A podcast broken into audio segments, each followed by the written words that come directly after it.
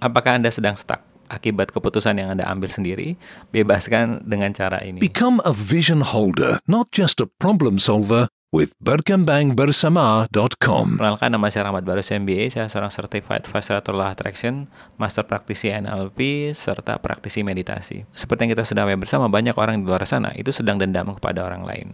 Nah, dendam itu seperti dia yang minum racun dan berharap orang lain yang sakit. Beberapa waktu yang lalu teman saya mengatakan bahwa dia sedang marah, benci kepada pamannya.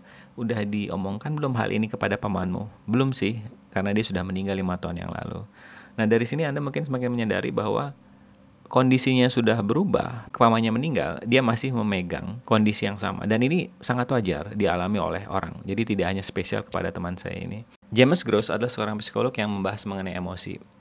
Uh, dan kita mungkin sudah mengetahui juga begitu pentingnya saat kita bisa mengendalikan emosi. Bukan tidak boleh mempunyai emosi, namun kita disarankan bisa mengendalikannya. Salah satu teknik yang disarankan oleh James Gross adalah mindful awareness. Contohnya adalah ketika Anda dihadapkan sebuah kondisi yang membuat Anda sedih. Kalau dulu mungkin Anda mengatakan aku lagi sedih, sekarang Anda bisa ganti kata-kata yang yang Anda gunakan yaitu aku sedang mengalami rasa sedih.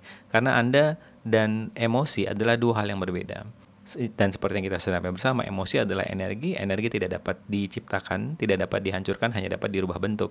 Jadi saat Anda tidak lagi mengklaim emosi yang sedang Anda alami adalah satu kesatuan, melainkan Anda dan emosi adalah dua hal yang berbeda. Emosi tersebut tidak ditahan, tidak ditolak, namun tersalurkan. Nah, ketika saya minta kepada teman saya untuk mengubah kata-katanya, yaitu aku marah kepada pamanku dengan menggunakan cara pandang, oh, rasa marah ke pamanku yang sudah meninggal itu lagi muncul ya. Ih, menarik rasa ini. Ketika dia menggunakan cara pandang itu, dia seperti menjaga jarak antara dirinya dengan emosi. Karena sekali lagi Anda dan emosi adalah dua hal yang berbeda. Dan menariknya mengenai emosi, emosi itu seperti tamu yang sedang berkunjung mengantri masuk ke rumah Anda.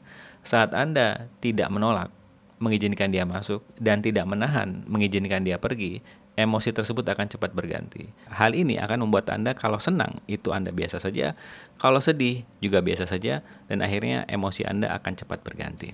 Asik ya, sampai ketemu di episode berikutnya. Keep having fun. Bye-bye.